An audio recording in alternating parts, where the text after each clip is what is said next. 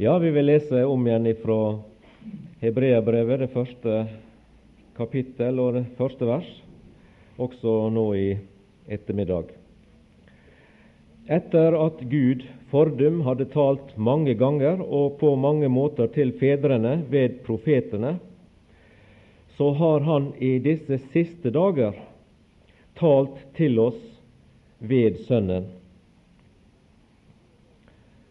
Og I går da prøvde vi å vise litt om dette før og nå, altså det som foregikk i den gamle pakts tid, der Gud åpenbarte seg, som vi la oss her mange ganger og på mange måter, til fedrene ved profetene.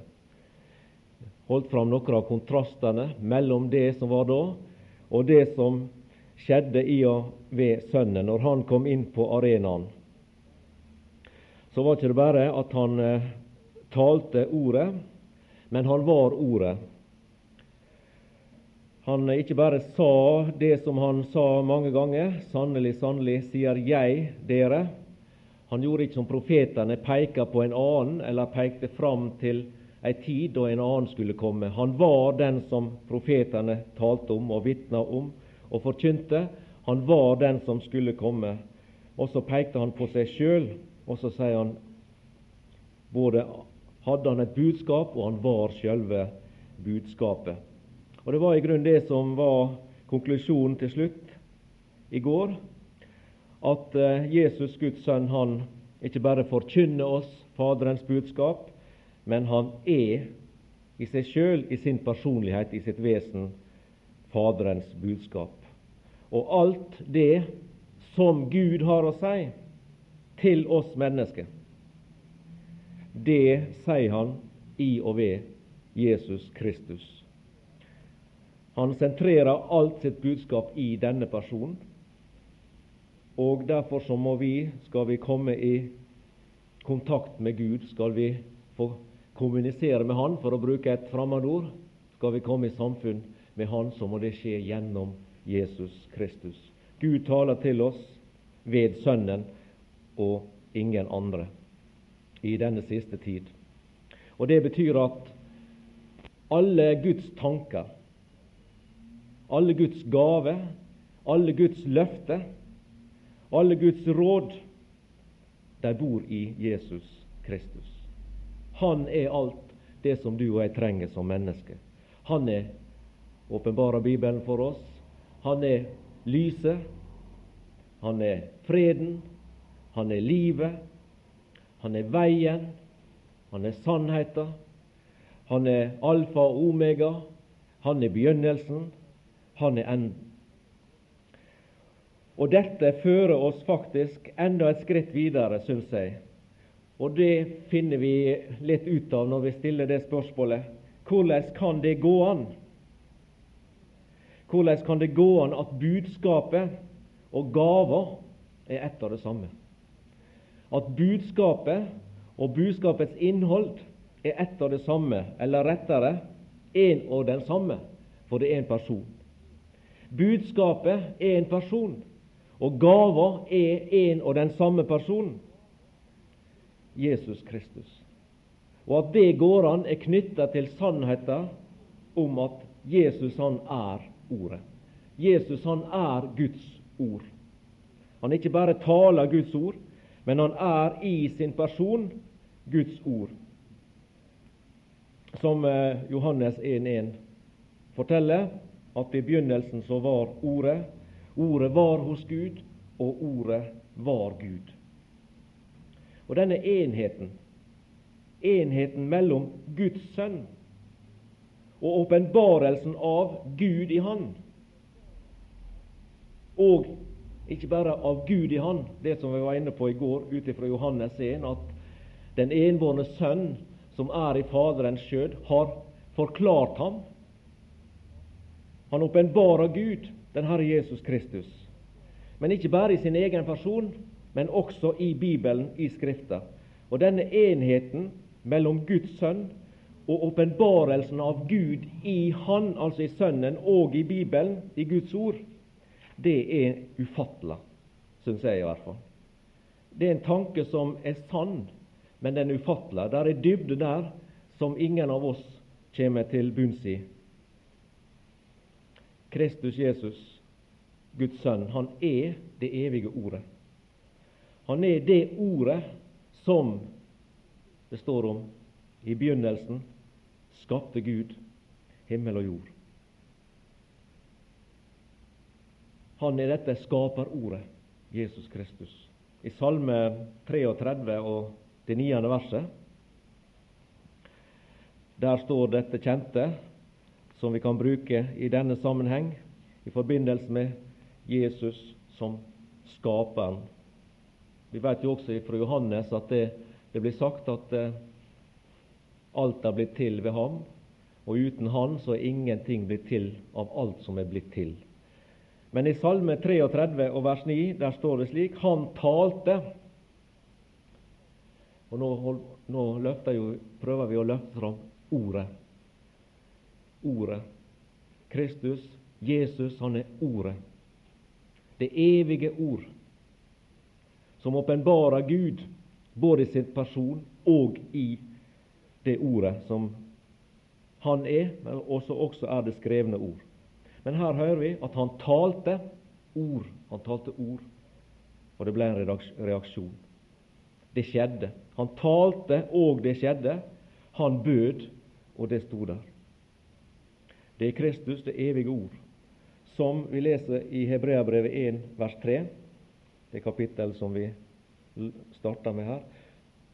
Han som er avglansen av Hans herlighet og avbildet av Hans vesen, og bærer alle ting ved sin krafts ord.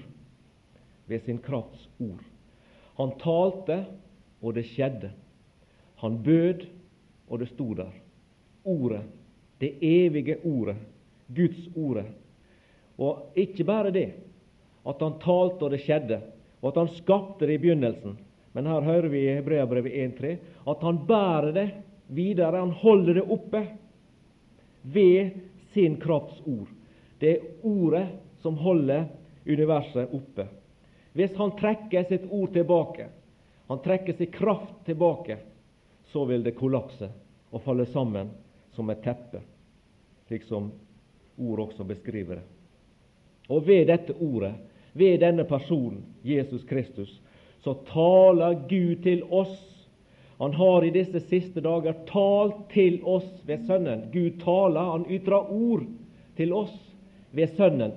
Og disse ord er knytta til Sønnen i innhold og i alt, slik at det, det er én ting mennesket har bruk for, og det er Jesus. Å komme i kontakt med Han, i samfunn med Han. For gjennom Han åpenbarer Gud all sin tanke, all sin vilje, alt sitt vesen, alle sine planer, rådslutninger. Ja, alt er samla i Han. Ved Han taler Gud til oss og åpenbarer sin mektige nåde og overveldende kjærlighet til mennesket. Ja, vi kan vel si at Kristus, han er det skrevne ords ord. Ordet ble kjøtt og tok bolig blant oss. Det er Jesu inkarnasjon inn i denne verden som det sanne, fullkomne og ideale mennesket. Men vi har også Ordet, det fullkomne Ordet. Det er det skrevne Ordet. Og Det er nøye kontakt og sammenheng og forbindelse og enhet mellom det levende Ordet, inkarnert i den Herre Jesus Kristus, og det skrevne Ord, dette er også Guds ord. Han er Guds ord, og Ordet er Guds ord. Og Det betyr at det skrevne ord og det inkarnerte ord er det samme. Det er ett og det samme. Det er i alle ting det samme. Martin Luther han uttrykte slik en gang at når han så igjennom Bibelen fra første til siste blad, og så hvordan Gud gjennom Det gamle testamentet åpenbarte mer og mer av sin frelsergjerning og sin frelsertanke knytta til denne personen som skulle stige fram på arenaen når tidens fylde var kommet.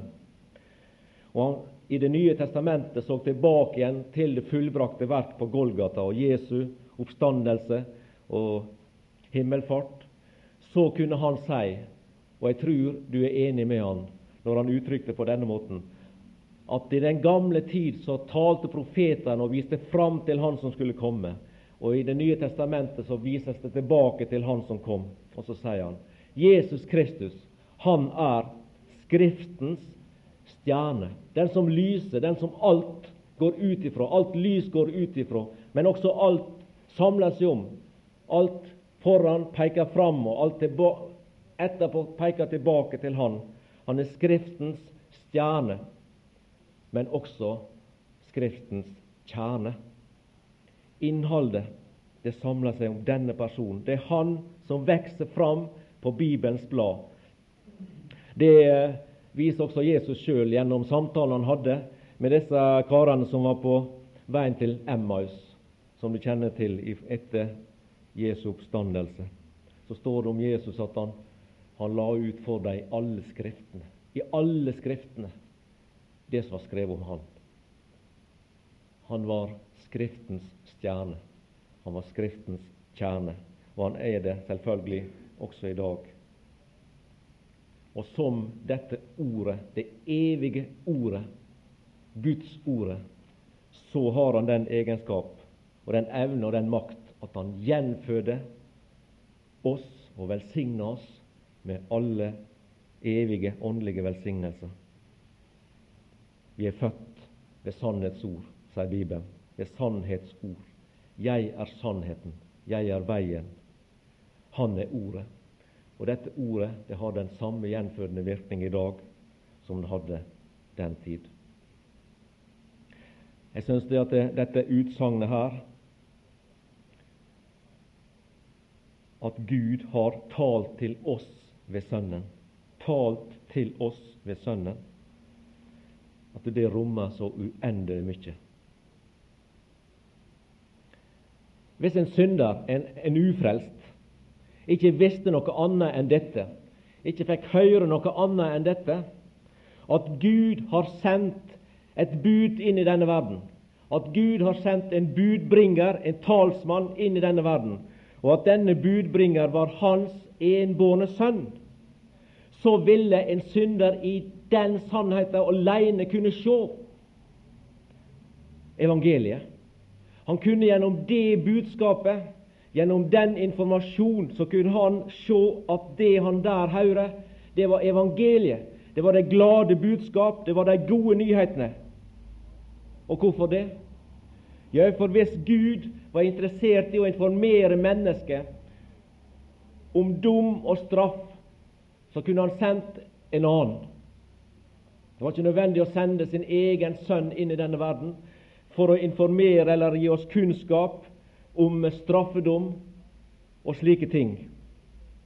Hvis han ville forkynne oss og gi oss kunnskap om synd, at vi var syndere, at vi var skyldige for Han, så kunne han brukt en annen. Hvis han ville forkynne mennesker sin kommende dom og vrede over deres synd, over ulydighet og vantru, så kunne han brukt andre tjenere. Han kunne brukt en annen utsending. Han kunne ha brukt engler. Gud kunne sende en engel og forkynne det, og forkynne dom, og forkynne straff, og forkynne at mennesker levde i synd. Ja, han kunne ha brukt en gammeltestamentlig profet. Han kunne ha brukt Moses. Han hadde kunnet ha gjort det. En annen tjener kunne ha gjort det. Ja, Gud kunne ha lagt det ned i vår egen samvittighet kunnskap som gjorde at vi ble dømt i vår samvittighet om disse tinga, der Gud la inn det at vi hadde en ansvar for vårt liv og våre gjerninger, slik at det førte til dom og straff. Og det kunne være en, på mange måter en, en budbærer i vårt eget sinn, som Gud kunne legge ned i en sånn informasjon så kraftig. Vi vet at eh, Vårt samvittighet slik den er, den kan bearbeides. Det kjenner vi til alle sammen. Men Gud kunne om han ville.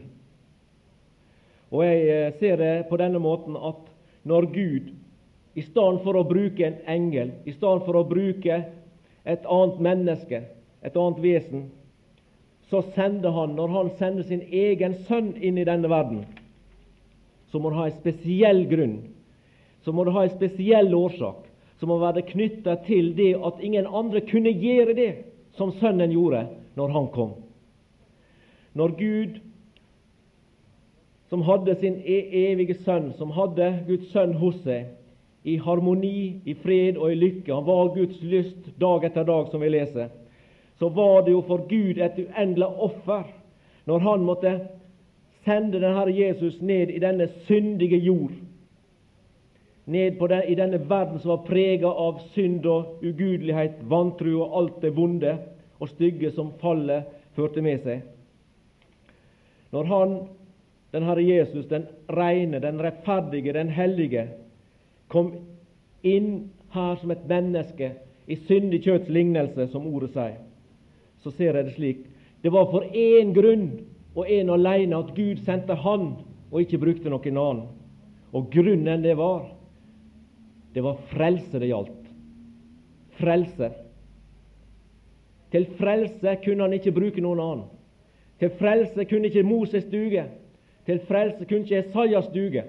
Til frelse kunne ikke engler duge. For å komme ned og fullbringe ei frelse for syndere, så hadde han bare én mulighet, himmelens Gud, og det var å sende sin egen elskelige sønn. Det hadde én grunn, det var frelse. Det hadde ett mål for øyet, ett formål med at han kom, og det var vår forløsning. At vi skulle gå over fra døden til livet, fra Satans makt til Gud. At vi skulle bli redda fra den evige dum og død og settes inn i Guds elskede Sønns rike, som vi hørte i går. Og det hadde bare ett motiv, at Gud sendte sin sønn inn i denne verden. Det hadde ett motiv, og det var Guds overveldende kjærlighet. Derfor var det det skjedde, som Galaterbrevet sier, at da tidens fylde kom, utsendte Gud sin sønn. Hvorfor gjorde han det? Hva var hensikten? Hva var formålet?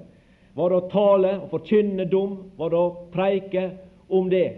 Om utryddelse? Nei, det var ikke det. Gud sendte ikke sin sønn til verden for å dømme verden, sier Johannes, men for å frelse verden. Gud sendte sin sønn til verden for å frelse verden. Det var for frelse han kom, og for ikke noe annet. Hadde vært andre ting som sto på tapetet, som kunne Gud ha brukt andre personer, som jeg nevnte. Men den oppgave og det oppdraget å frelse synderen for evig, å redde synderen fra fortapelsen og løfte han opp ifra den falne stilling og inn i samfunn med Gud, det var bare han som kunne. Det var derfor han kom for å frelse syndere, for å frelse oss. Hva var det de sa der ute på Betlehemsmarka den uh, natta da Jesus ble født? Jo, de sa vi forkynner dere ei stor glede. Og hva var den gleda knytta til? Jo, det var nettopp knytta til det som vi holder fram her. I dag er det født dere en frelser. Det var frelseren som var kommet. Derfor den store glede.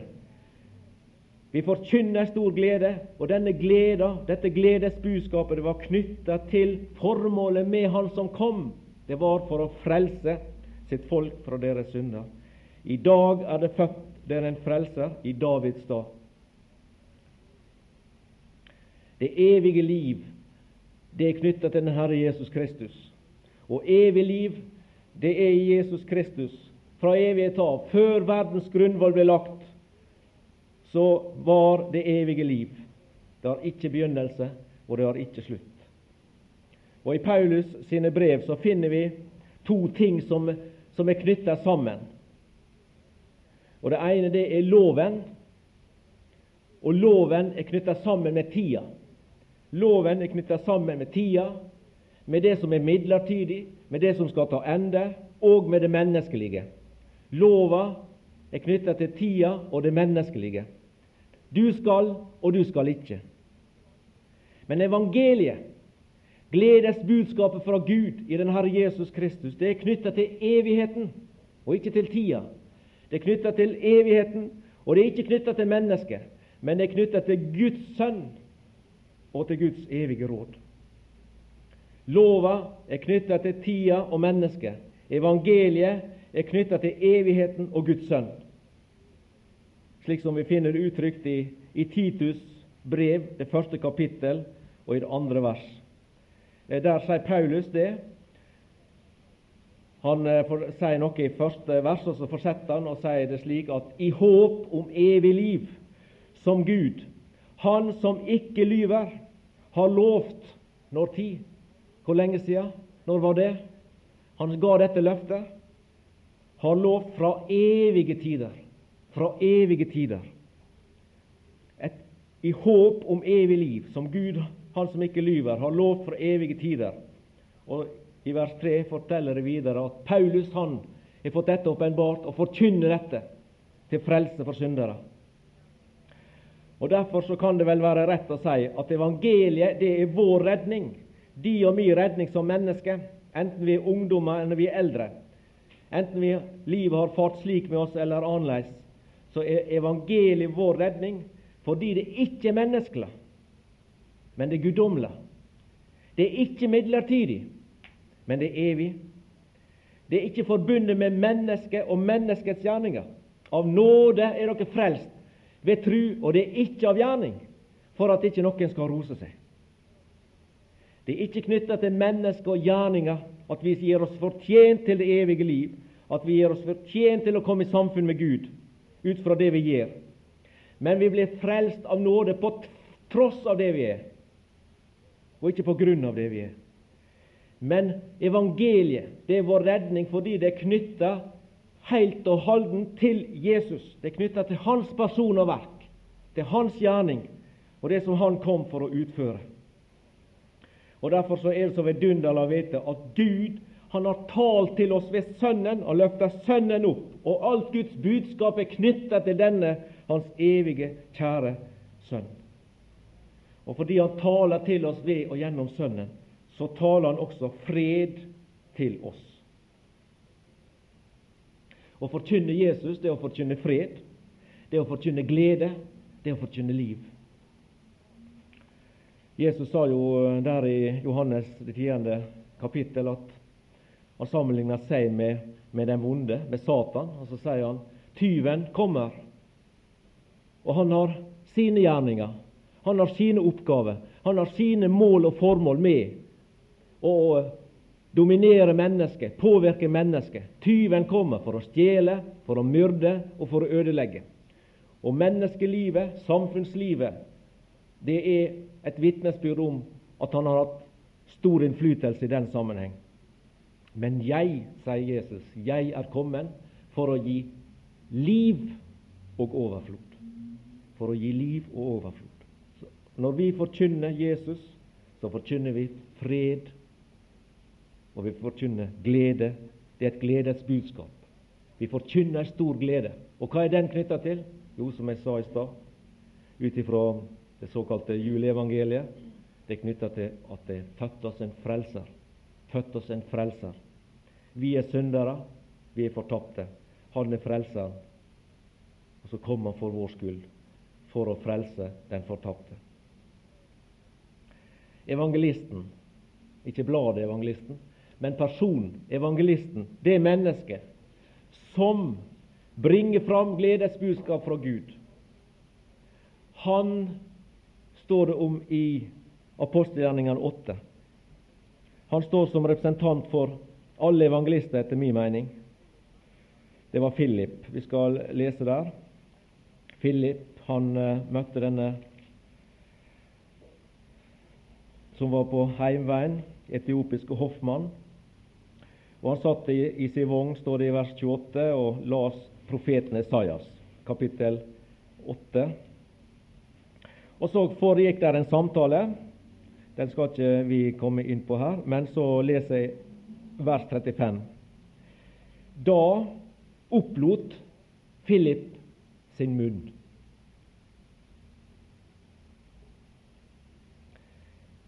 Idet han gikk ut fra dette skriftsted, det var Isaias 53. Forkynte han ham evangeliet om Jesus.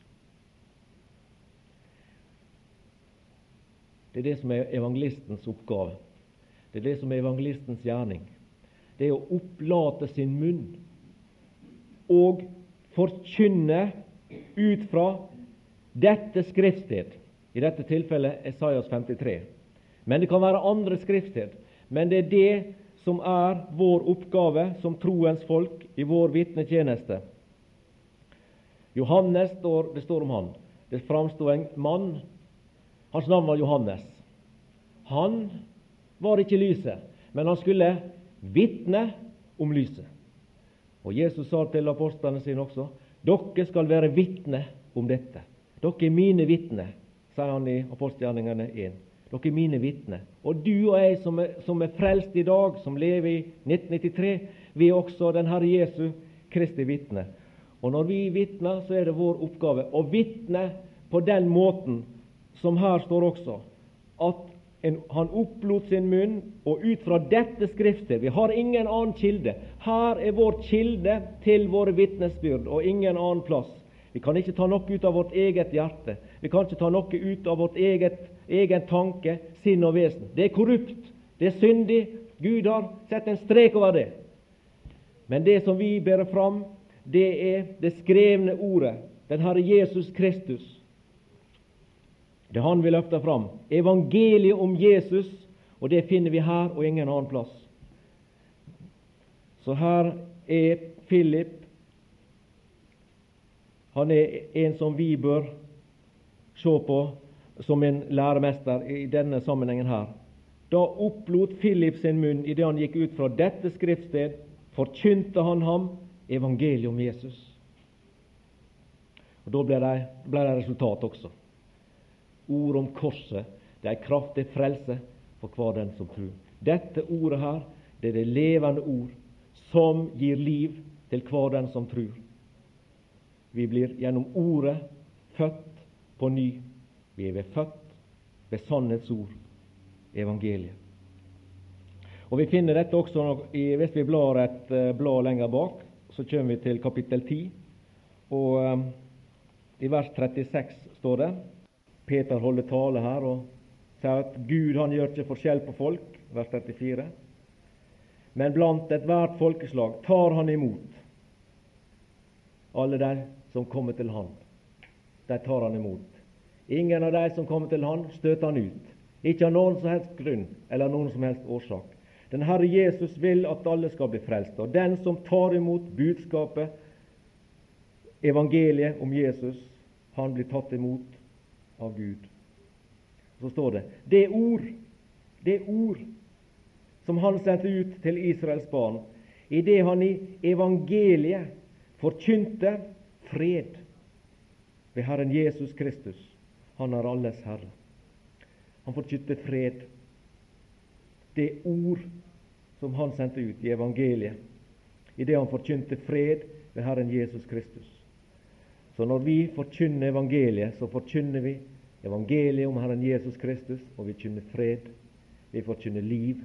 Vi forkynner det som mennesket har bruk for aller mest, og det er å komme over fra døden til livet. Det å få ta imot av nåde syndenes forlatelse og bli født på ny og bli et Guds barn, komme inn i Guds familie, bli med i den himmelske slekten det, det alle trenger mest av alt. En annen ting som jeg også vil minne oss på, det er at det sønneforholdet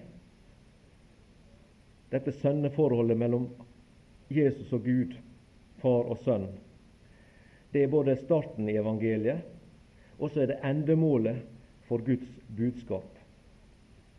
Nemlig det at Gud, som taler til oss ved Sønnen, han viser oss at vi også, som en konsekvens av det vi hører, så må vi også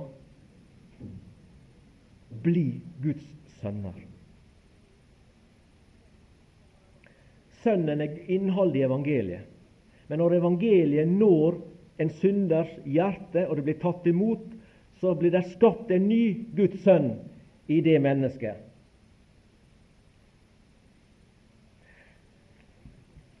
Eh, vi skal lese der et vers i Matteus kapittel 10. Og jeg syns å se en sammenheng der i, i dette. I uh, Matteus kapittel 10 og vers 41.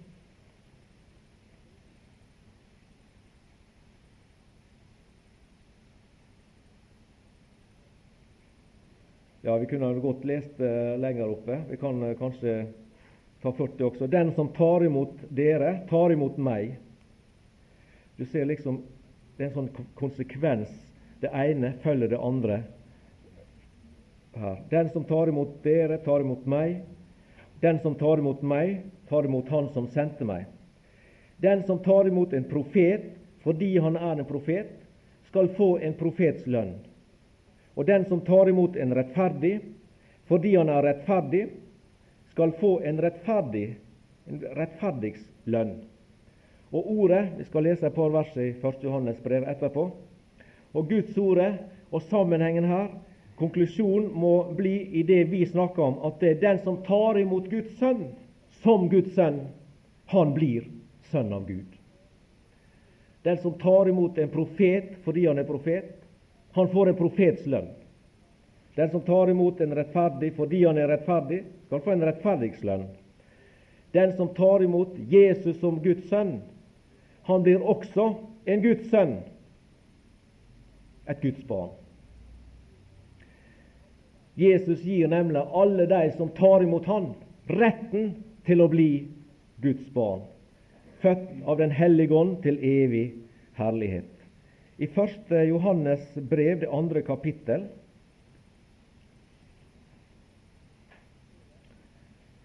står det i vers 23 Hver den som nekter Sønnen, har heller ikke Faderen. Så står det det som jeg gjerne vil minne på. Den som bekjenner Sønnen, har òg Faderen. Den som bekjenner Sønnen, har òg Faderen. Og i kapittel 4 og vers 15 Den som bekjenner at Jesus er Guds sønn, i ham blir Gud, og han i Gud. Den som bekjenner at Jesus er Guds sønn, i ham blir Gud, og han er Gud. Og Vi vet at det skjer en åndelig fødsel, et under i det menneskets liv, som gjør at vi blir Guds barn, Guds sønner. Hva var det Peter bekjente? Du er Kristus, den levende Guds sønn. Og Så svarer Jesus på det. Kjøtt og blod, sa han, har ikke åpenbart deg dette, men min Far som er i himmelen. Det var en åpenbarelse fra Faderen, det vitnesbyrd og attest som Peter kom med her, at Kristus han er den levende Guds sønn. Og det er stort, det må vi vel være enige i. Det er stort for en fattig synder, et menneske som er fortapt i seg sjøl, å vite at det Guds enbårne sønn, du er den levende Guds sønn, at den person ble kjøt og tok bolig iblant oss, og at han ikke bare gjorde det, men han var lydig inntil døden, ja, døden på korset. At han ga sitt liv for vår frelse, at han, den reine, den rettferdige, den hellige, kom inn i denne syndens jord og døde for den urettferdige, den ugudelige, den fortapte. Det er det som er vår redning, at han gjorde det, at han var villig til det.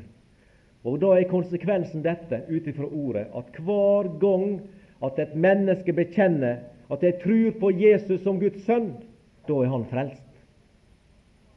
For det leser vi her. At den som bekjenner at Jesus er Guds sønn, i ham blir Gud, og Gud i ham. I det øyeblikket et menneske bekjenner at de tror på den Herre Jesus som Guds sønn, da er det mennesket frelst. Og Gud har flytta inn i han, tatt bolig i han. Som det også blir beskrevet, at Kristus bor ved trua i våre hjerter. Og så flytter vi inn i han. Han tar bolig i oss, men vi tar bolig i ham. Og Gud, han blir, i ham blir Gud, og han i Gud. Derfor, dersom noen er i Kristus Jesus, det er den ene sida, da er vi en ny skapning. Han flytter inn i vårt liv. Kristus bor ved troa i våre hjerter. Derfor, dersom noen er i Kristus, det er den andre sida, da er vi en ny skapning. Alt det gamle forbi, alt er nytt. Og Det er dette uttrykket her i 1. Johannes 4, 15 som beskriver dette under som skjer i en synders liv. Den som bekjenner at Jesus er Guds sønn, i ham blir Gud, og han i Gud.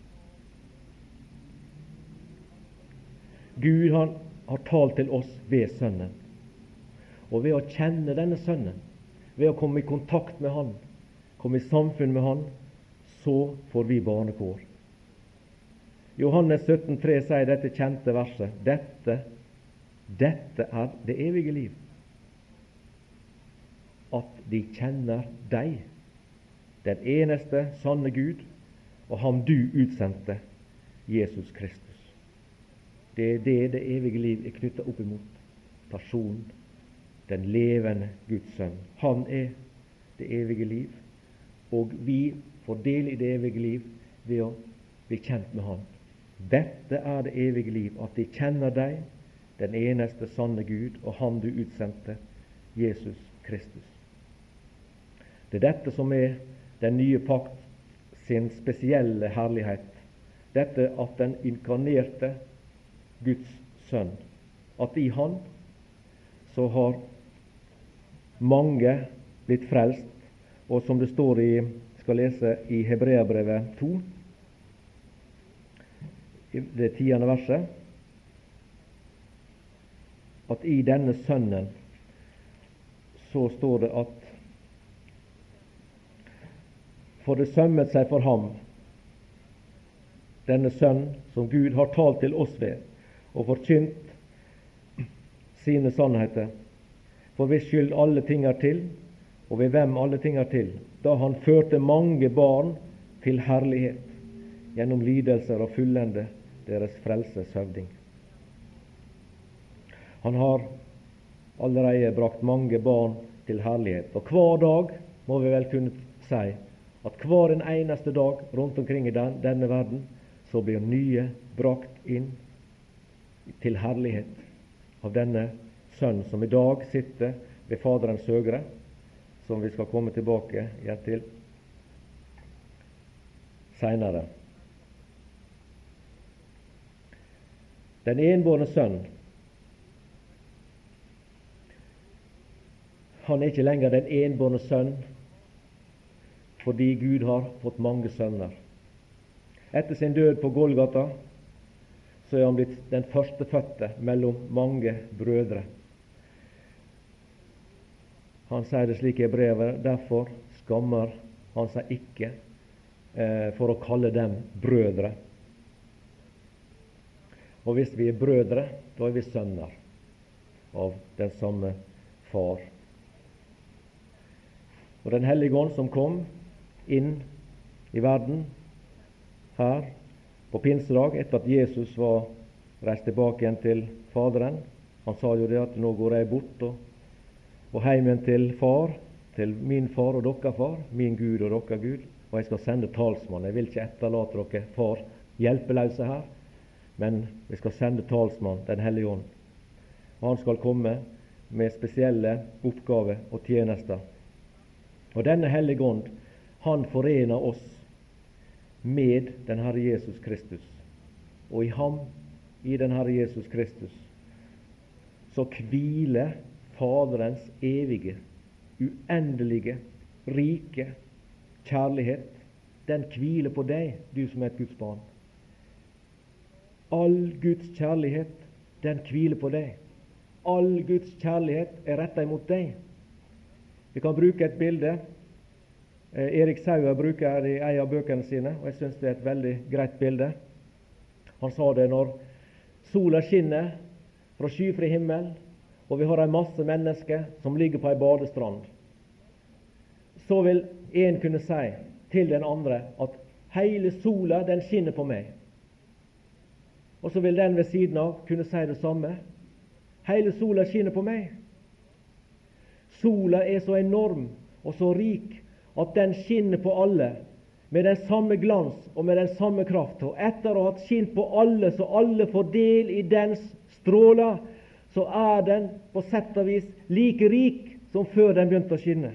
Og slik er Gud. Guds kjærlighet den er retta mot hver enkelt av Guds barn i sin store fylde. Jeg eier Guds kjærlighet. Jeg eier all Hans omsorg. Jeg eier all Hans kraft i det at Han tar seg av meg som sitt kjære barn inntil han får meg hjem i den evige verden. Men det gjør han med deg også. Han bruker sin makt, han bruker sin kraft, han bruker sin omsorg. Han bruker alt det han har tilgjengelig. Det retter han mot hvert enkelt Guds barn. Og øser over oss nåde, øser over oss velsignelse. Han øser over oss sin kjærlighet og omsorg. Og etter å ha gjort det, så er han like rik som når han begynte. Denne uendelige kjærlighet fra Gud, den hviler over hvert et Guds barn, fordi vi lever i Han, den elskede Sønn, Sønnen som Gud har talt til oss ved.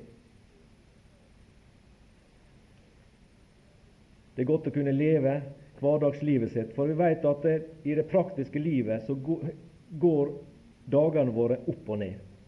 Vi har medgang og motgangsdager. Vi har gledens dager og sorgens dager. Noen ganger føler vi at livet er med oss, andre ganger føler vi at livet er mot oss. Vi opplever kamper innvendig i våre sinn, og vi har kamper utvendig. Om ikke med kjøtt og blod, så er det nok av makt og myndigheter som vil påvirke oss i negativ retning. Da er det godt å kunne vite at det Guds uendelige nåde og kjærlighet, den er retta mot oss mot meg, samme hvor liten og ynkla og fattig og hjelpeløs vi måtte føle oss når vi tenker på vår egen situasjon, så er på grunn av at vi er i Han, i Kristus Jesus, så hviler Gud Faderens kjærlighet på oss. Det er godt å vite. Det hjelper oss igjennom de vanskelige stundene også, og gir oss håp og gir oss mot, og gir at vi får liksom sett forbi det vanskelige, og at det der er lys i tunnelen, for vi vet at det er en som er med i alle dager, under alle omstendigheter. Om du enn skulle, sier profeten, så er jeg med deg. Og om du enn skulle noe annet, så er jeg med deg. Han går ved vår side og leder vår gang. Han blir ikke trett, slik som vi. Til slutt så vil jeg minne om at uh, dette som vi leser her i Hebreabrevet i det første verset, det forteller at dette som vi har her, det er den endelige åpenbaring. Gud, han talte mange ganger og på mange måter til fedrene ved profetene. Og så har han i disse siste dager talt til oss ved Sønnen. Her har vi den endelige åpenbaring. Det vil ikke bli noe større åpenbaring. Det vil ikke bli noe høyere åpenbaring. Det vil ikke bli noe flere åpenbaringer heller. For Gud har i disse siste dager talt til oss ved Sønnen. Johannes han sier i sitt første brev og andre kapittel og 18. vers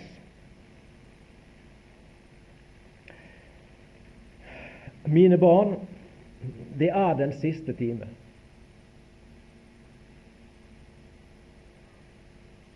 Og som dere har hørt at antikristen kommer, så er det òg nå kommet mange antikrister. Derav skjønner vi at det er den siste time. Gud har talt til oss i disse siste dager. Og Johannes han skriver at det, det er den siste time. Og hvis vi går til eh, Frelserens vitnesbyrd i Johannes' åpenbaring 22, så sier den Herre Jesus i kapittel 22 og i vers 6 og 7 Åpenbaringa 22, 6 og 7.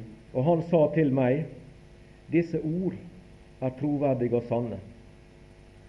Og Herren, den som Gud den Gud som utdeler sin ånd til profetene, har sendt ut sin engel for å vise sine tjenere det som snart skal skje. Og se, jeg kommer snart. Salig er den som tar vare på de profetiske ord i denne bok. Gud har i disse siste dager talt til oss ved Sønnen. Mine barn, sier Johannes, det er den siste time. Og Frelseren han sier at disse ting, de skal snart skje. Og se, jeg kommer snart. Det jeg vil ha fram her mot slutten, det er dette at vi haster, så langt som jeg ser det. Vi haster imot Jesu Kristi komme. Vi haster imot opprykkelsen. Vi haster imot det øyeblikk da vi i ett nu, ved den siste basun, skal forvandles og rykkes til sky opp i lufta for å møte vår himmelske Frelser og brudgom. Og det er min bønn at det er vi alle som er her, at vi må kjenne Han, at vi kjenner Han her og nå, at vi kjenner Han som Guds sønn. For alle som bekjenner Han som Guds sønn, der har Gud tatt bolig i vedkommende, og vi i Gud. Og hvis vi kjenner Han, så har vi det evige liv. For det evige liv er å kjenne Han, den eneste sanne Gud, og Han som Gud er utsendt, den Herre Jesus Kristus. Og hvis vi er frelst, hvis Kristus er vårt liv, så sier Bibelen det at da skal vi. Da skal vi. Ikke da er det mulig, eller da kan det hende, eller Nei, la vi glede og fryde oss i vissheten om det, dette skal. Da skal vi, sier ordet, når Han åpenbares, skal vi også åpenbares med Ham i herlighet. Ja, det vil jeg takke deg for, Herre Jesus, at uh, den som tror på deg, samme om vi er barn, om vi er ungdom, om vi er voksne, om vi er rike enn fattige, om vi bor i Norge eller vi bor i Asia eller hva som helst, så er det herlig å vite at det, når du har fått frelst oss, tatt oss inn i ditt samfunn, så vil du ta deg av oss i hverdagen. Du vil bevare oss igjennom dette liv, i med- og motgang, i sorg og i nød, i glede og fryd. I alle slags dager så er du med, inntil du har oss trygt og sikkert hjemme hos deg. Takker Jesus at du kalte meg i min ungdomsvår. Jeg hørte en lokkende stemme tidlig i ungdommens vår, og det var de stemme, Herre. Det var hyrderøster som var ute og kalte meg inn til samfunn med deg. Takk for at du fant meg. Takk for at du vant meg. Takk for at du bar meg hjem til deg. Og så får jeg tro det at jeg i dag så sitter jeg i himmelen i deg. Og snart, kanskje før vi aner, så er vi der alle dine i våre herliggjorte legemer. Så skal vi få se deg, møte deg, takke og prise deg, fordi du, den evige Guds sønn, kom inn i denne verden og tok lidelsens tjeneste på det og gikk lydighetens vei like til Golgata. Så ropte du det triumferende fullbrakt, og så ble det håp også for meg. Takk for alle som du har fått frelst, Herre. Så ber vi deg i fellesskap om at du må kalle og drage enda flere inn i ditt samfunn før du kommer igjen. Amen.